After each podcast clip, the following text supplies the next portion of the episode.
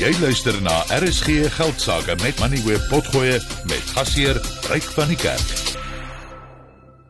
Theo Forster van Galileo Capital, uh, dit nog al 'n stillerige dag op die koöperatiewe front, maar ek dink die uh, die groot tendens wat ons nou sien is die S&P 500 in Amerika. Nou dis 'n indeks wat die 500 grootste maatskappye in Amerika verteenwoordig as mens kyk na die uh, die toestand van beleggingspersepsie in Amerika. Kyk na die S&P 500 en hy het Vrydag 'n nuwe hoogtepunt geslaan, rekord hoogtepunt en vandag weer. Ja, hy verhandel bo 5000 ryk goeienaand. Hy verhandel bo 5000 en dit is nuwe hoogtepunte. En is die eerste keer wat hy bo die vlak van 5000 verhandel. Nou net om dit in perspektief te sit, Die een van die redes agter hierdie was ons is op die sterkkant van Amerikaanse verdienste groei vir die laaste kwartaal van verlede jaar. En die la, ons is meer as 2/3 van die maatskappye het reeds gerapporteer en die die kerngoue draad deur die maatskappye wat rapporteer is dat hulle verdienste is beduidend sterker as wat die mark verwag het. En um, ek wil net twee syfers noem. Rondom 80% van maatskappye wat rapporteer, doen beduidend beter as wat die mark verwag en op hierdie stadium lyk dit waar die mark verwag het dat die verdienste groei in Amerika gaan rondom 1.2% wees. Dit lyk of die oomblik of dit gaan uitkom op 6.5%. So dit beteken die maatskappye in Amerika wat verdienste rapporteer doen beter as wat die mark verwag en dan kan jy aflei dit doen beter as die pryse wat verdiskonteer word in die huidige mark. Um maar nou net om dit baie mooi net in perspektief te sit. Onthou Desember 2021 Desember 2021 was die S&P 500 rondom 4700 punte. So dis maar 6% op van daai datum.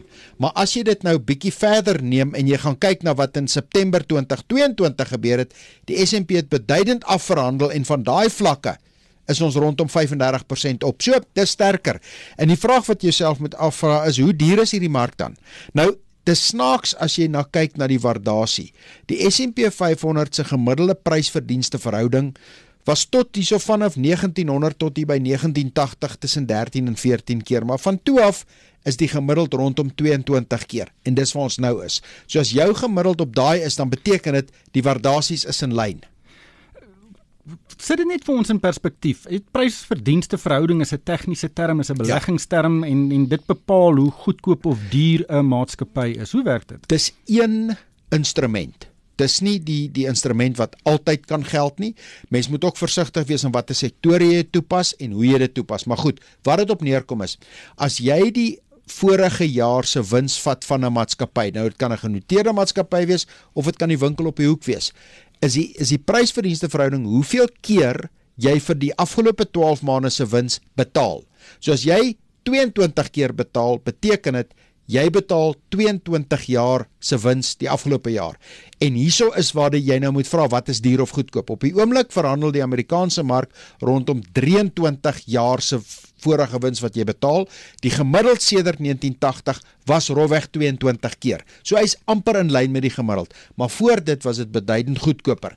Terwyl in die Suid-Afrikaanse mark en dis hoekom baie mense sê ons mark is goedkoop. Ons syfer is op die oomblik nader aan 10 keer historiese wins wat ook rondom 30-40% goedkoper is as ons langtermyn gemiddeld. So ons mark is goedkoop. Die rede hoekom hy goedkoop is, is eenvoudig die verdienste groei is nie daar nie en die mense, die markspelers verdiskonteer nie noodwendig groei in die ekonomie nie. Jy het geluister na RSG Geldsaake met Money where potgoe elke weeksdag om 7 na middag. Vir meer Money where potgoe, besoek moneyweb.co.za of laai die toepassing af en volg Moneyweb News om dagliks op hoogte te bly.